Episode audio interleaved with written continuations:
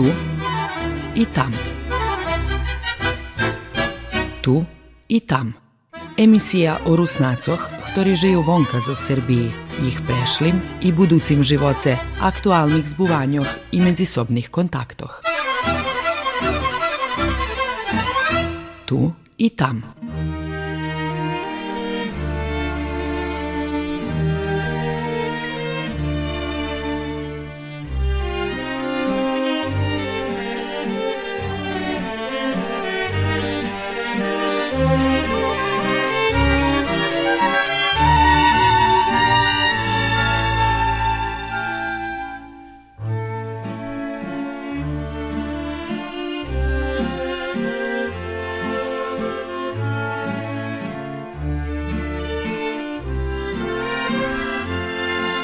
Dobri dzień, počitovani słuchacze. U njuškajšej emisiji Tu i tamu čujete pripovetku zos Hornjici, prilog zos Čeranki zos Radijom Rusin FM i Vladikovu Veljko Novinčovanko.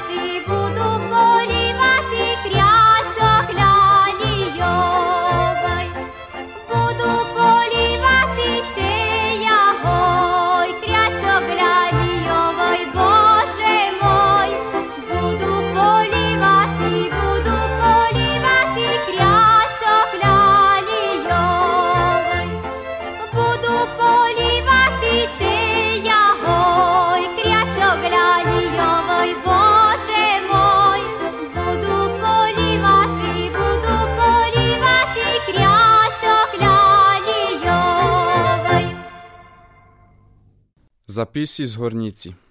Події зо зближшої і дальшої прешлості до кедішнього керестура у Словацькій, Нєшка Земплінській теплиці.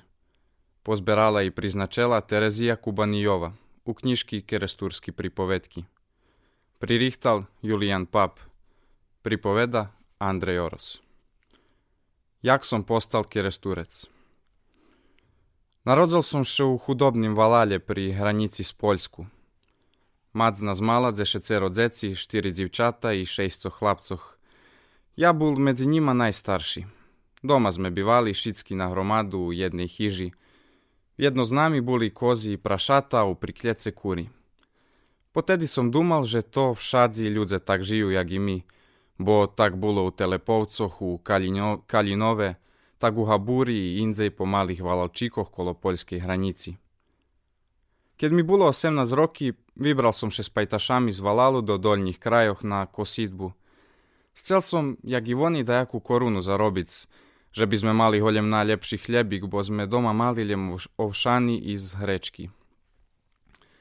Chcel som, jak i oni, dajakú korunu zarobiť, že by sme mali holem najlepší chliebik, bo sme doma mali ljemovšani zo zhrečki. Prišiel som do Kerestúra zo šestru. Вона була рок младша одо mnie, була незвичайно красна і знала бар скрашне шпіваc. Туше понукаме, чи такому не треба косачок, але każdy wari, że już maju. Iście zo mnie i szmich robia gwaria mi, chlapcze, taki si iście mladi, ozda znasz już i z kosu koszyc. Було mi aż do plaču, że nie dość sme chudobni iście i szczesca do roboty nie mamy. Pożyczeli sme penježi na drahu, a teraz jak się domu wracimy? на ганьбу. Пошел сам до карчми gledat robotu. Vojdem nuka, pozdravkam, slava Isusu Hristu. Kačmar mi odzdravkal, slava i voviki. Rozpatram še dookola i dumam, ša ani filera njemam, ta co sebe budzem pitac. Pri šenku stal mladi hlop. Prišel gumnje i pitaše mi, že co robim tu u kjeresture. Ja mu zverel šitsku svoju trapezu. Вари он, подзомну дому будзеш u mnie żac. Dal mi ruku i pital da co popić za i zajesc, bo ja się hańbel winiać z torbiczki to mój bidny chlebik zo zreczki. Ta zmewec, moja шестра i ja poszli z gazdom do його domu. Дома була його млада жена, така моїх роках з дворочним хлапцом. Шестру і мене сердечно привітала. На мені так попатрела, що мені аж коло серця було тепло. Dala nam večeru, potim sme dakus popripovedali, a vec nam posceljela i pošli sme spac, bo rano trebalo ísť na poljo.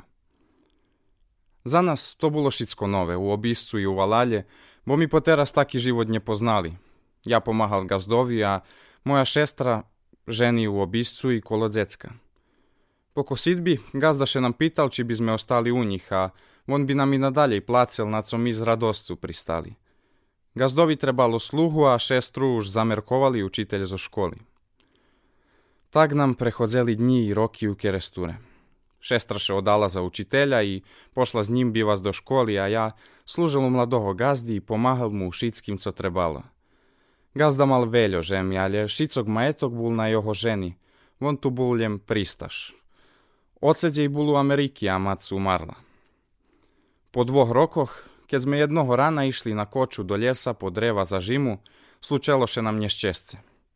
Prevracal še polný koč s drevom i privalil gazdu. Nijakej pomoci blisko не було, та док som ho vyratoval spod koča, on umar. Ostatní slova mu boli Neochab mi ženu so synom bez pomoci, a chlapcovi buď dobrý otec, bo on ce poljubela i ti jeho. Ja še horko rozplakal, bo som neznal, jak povem jeho ženi, že co nam się tu лєше случило, а окреме якше вона буде гумні справоваць. Орок покля ношела жалобу, Еленка достала писмо од оца з Америки, že keď je zo mnou spokojné, keď še skladame najše za mne oda, keď ja na to pristávam. Pobrali sme še i dalje žili. Mali sme v jedno dzivčatko i ще rok potim vracel še i ocec z Ameriky. Bol mi druhý ocec, bo bol barz dobrý človek, ja še dal do gazdovania a švekor me u šickim radzeli pomahal. Chlapca sme, keď vyrosnul, dali na studiji, bo bol mudri, jak jeho neščestný ocec. Tak ja postal keresturec. Poznejšie sme z verchoviny od našich rusnakoch pricahli i mojich troch mladších bratoch. Oni sebe tiež našli robotu okolini, poženeli še u sušedných valaloch i tu ostali.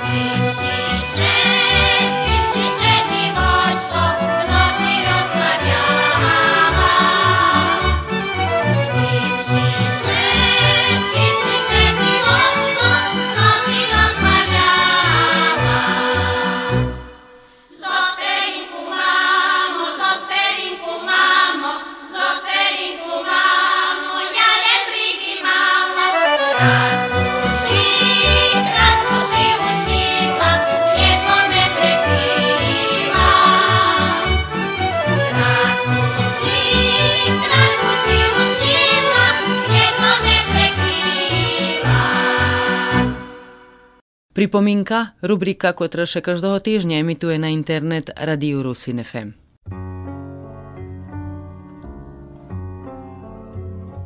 Pripomínka Dnes že je to štos normálne, že vďaka kompjuterami internetu chosnujeme dejak tlumači, ktoré nám prevedú text z jednoho jazyka na druhý. Najznámejším takým tlumačom, s ktorým sa už jak bač každej už stretil, to Google Translate. Také tlumači, ktorí hosnujú, môž povisti štučnú inteligenciu sa robiať pro veľké jazyky, ktoré ma bisiduje veľa ľudí. Pravda, nájdeme tam i menšie jazyky, jak slovácké, či maďarské, no obšte plate, že pro také malé jazyky, jakým je napríklad i to náš rusenský, sa môže takých tlumačí nikda nedočekáme. Abo hej, Zainteresoval mňa rozhovor jednoho z pitkarpatských rusenských aktivistov Mehala Kušneckoho, ktorý zrobil s americkým rusenom Petrom Oriničom Glisonom. Vid narodil sa v u Americi, no znať by si dovatý i po rusensk. A dlho roka zanimácia programovaním. Vin prehotovil už korpus na veci jak 70 tisíc slov, na ktorým bude sa učiť špeciálny algoritm, štučná inteligencia, že bo postupno bol takej anglicko-rusenskej i rusensko-anglickej tlumač. Petro Orenič programuje od 1990 rokov i raz mu prešlo na rozum, čom by nezrobetý takého tlumača, ktorý bude znatý i tot náš jazyk. Jak sám duje, cíľom projektu je revitalizácia jazyka, konkrétno lemkivskoj variante rusenského jazyka, ktorú duje náš programátor. A čom potrebná nám taká revitalizácia jazyka? No že by nepropal, bo realita taká, že každým rokom propaduť malé jazyky, hmrudno seteli tých jazykov i oni že nekda pak nevernúcia. Jak sám Petro Orenič kaže, správa UNESCO hovoriť, že ku kincu toho stoliťa hodná propasty značiť zaneknutý až polovina súčasných jazykov. I teper je ich kolo 6 tisíc. Najohrozenejšie sú, jak už jem spomenul, malé jazyky ktoré nemajú také inštitucionálne pitremovania.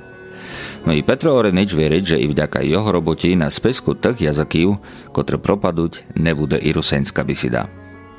Naša bisida tu bola dlho stovky rokov, prežila toho mnoho, Rusené na Slováky prežili maďarizáciu, ukrajinizáciu, slovakizáciu, u svojej histórii i dosť pravda toto všetko prežili i sochranili sobi svý jazyk. No v ostatním časi vidíte, že molodá generácia už neznať dobrý svý jazyk, chobujú nám v škole, da by sa svý jazyk učili, i na našich salách čoraz častejšie čutí moločú generáciu by si dovatý neu svojim materinským a u slováckým jazyku. Môže sa takomu vidíti, že i keď sme historično prežili už dešto i sochranili jazyk, doba moderná, komputerová môže nás ohroziť. Lenže iši vse majeme molodých ľudí, kotrem na našim jazyku záležeť. Takým je i Petro Orinič Glisson, americký Rusen, chce dostať rusenský jazyk do komputerového sveta. Tremajme mu palci na jeho tlumač čím skoršie v sa svitu i na jeho snovanej. Najchosnujeme svій jazyk a učíme ho i ďalšej generácii. Šumnej týždeň, v ktorým budeme bisidovať po rusensk, keď už môže doraz i štučná inteligencia bude bisidovať po rusensk, vám žečiť Petro Medviť.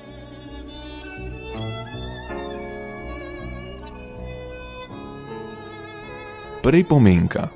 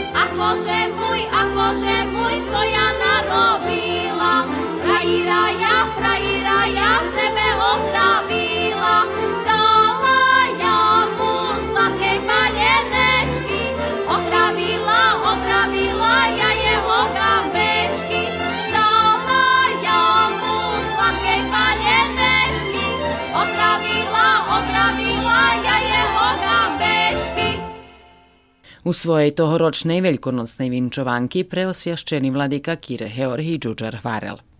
Христос Воскрес! Славíme подію Христового Воскресення, преславлюємо Христа, котрий за своїм хрестом, за смерцю і з Воскресенням применяв судьбу цілого швета, тих, co жили, co žijú і co будуть жити. Anhel šepital ženo mironosicom, predzohľadá se živoho medzi mŕtvýma? Nie tu je, ale voskres.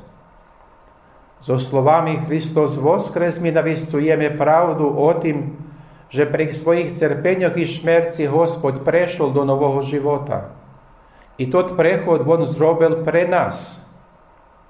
Bi patralo, že šitsko було обрацене protiv njovo i rimska vlada koja nije cerpela ніякі вияви шлебоди духа, і власний народ, який його одрекнув, аж і ученіки або посекали, або го зрадзели, але побіда припадла йому. Прик поніження, хресної драги, мукок на хресту і гроба, Христос вошов до слави Воскресення. Шіцко скапало, і смуток, і жаль, і слізі i prišla radosť voskresenia. To hlavná pravda hristijanskej víry, že šmerc i hrych nadvladaný. І ми з'єднані з Христом у святій тайні крещення, в'єдно з Ним умираме за гріх і воскресаме до вічного живота.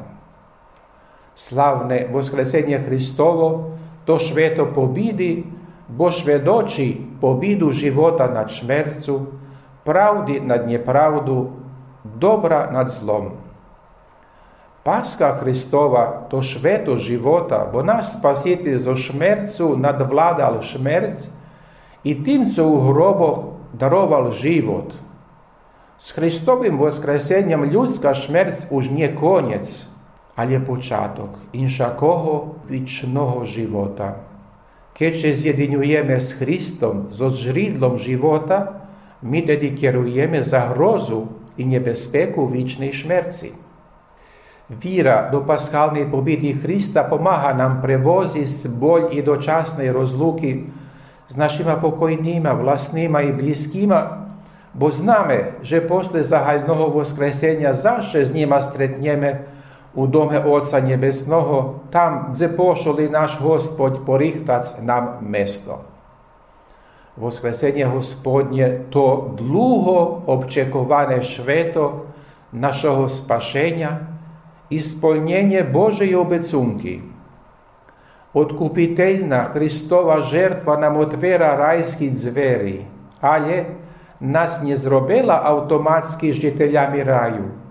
Ми оставаме шлебодні вибраць тоту драгу. Воскресення Христово то свято радості, бо наш Спаситель нас ошєбодзел від зневіри, розпуки і смутку і дарував нам силу радоватися і там, де би ситуація випатрала безнадійна.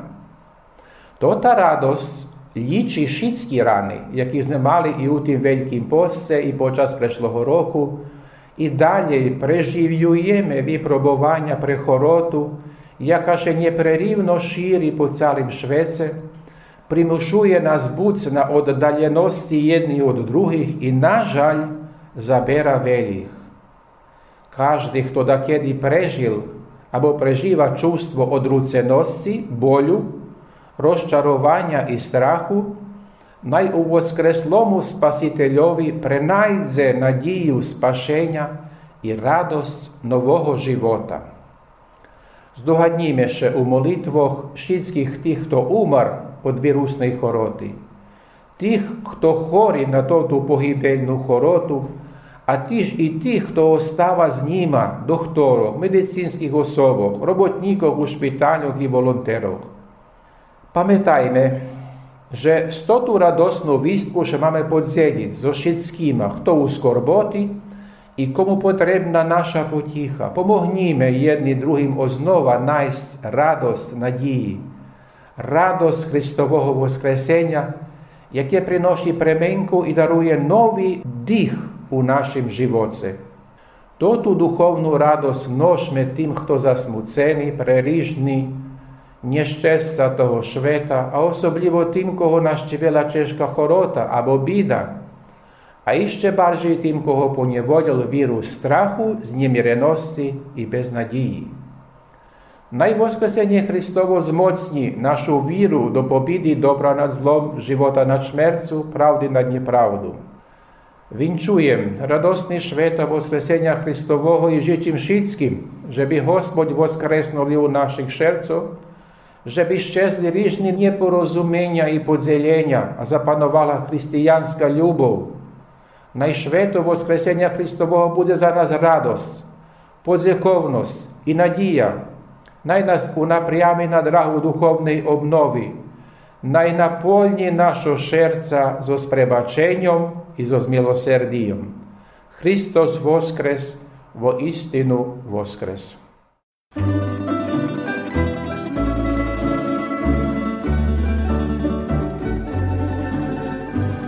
Zadnjog mladih dom ja slavel I rusnacog ljubel svojih I mu pisnjog ljubov hlašel I ljubeni bulja od njih I mu pisnjog ljubov hlašel I ljubeni bulja od njih Znala moja pisnja zoka Slizu virvac jagli kresaj môj hlas i spoza hroba znám. Nehoze nijak prestať i za to tu ľubov jeho dvaljem slizi z ruských mužov. Budú pláca šveta toho švíckých mojich špíva nočkov.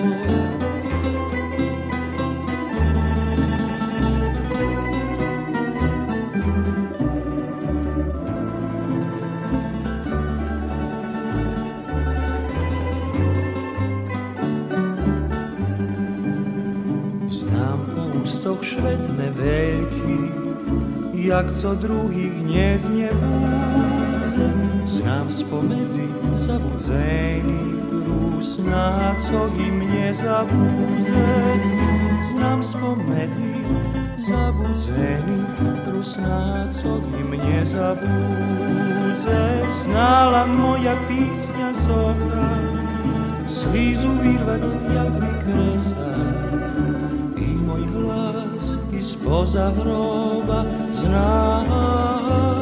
Nehodze nijak prestať i za toto ľubov jeho dvaľom slízy z ruských očov budú pláca šveta toho švíckých mojich špívanov. Sluhali ste emisiju Tu i tam. Jaolja Homova. Do posluhanja.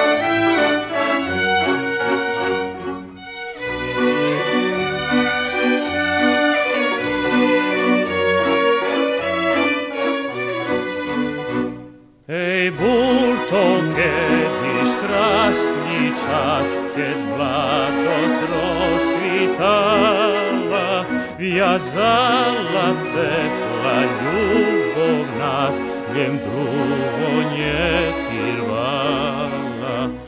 Dziwoczko ljubowja, to co, co kratki czas wiem trima, jak to motyliok, co opet za kwetom rado prima. Začúvaj šerco svojo ty, naj ľubov čas nestrací, bo zaš nám plitky vracia, je ľubov vše nevrací. Sedzeli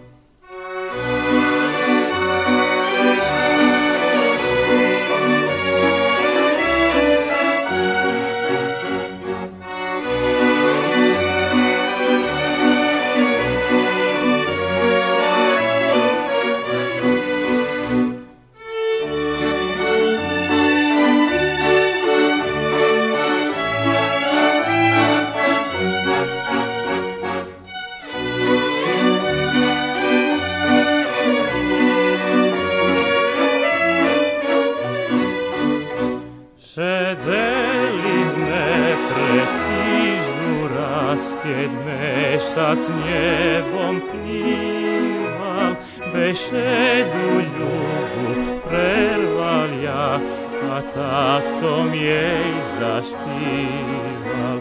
Divočko ľubovia, to tkve, co šerco prikrašuje, Любові красу чешко знаць, бо вшеше пременює. Разлели йові запахма, разрушок топою, Разгромних фіяночки, а, а часто як куколь на полю.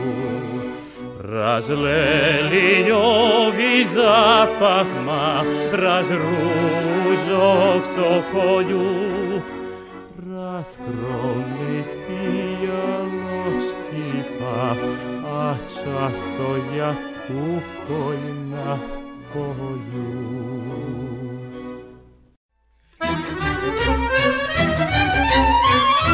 Tu i tam. Tu i tam. Emisija o Rusnacoch, ktorí žijú vonka zo Srbiji, ich prešlim i buducim živoce, aktualnih zbuvanjoh i medzisobnih kontaktoh. Tu i tam.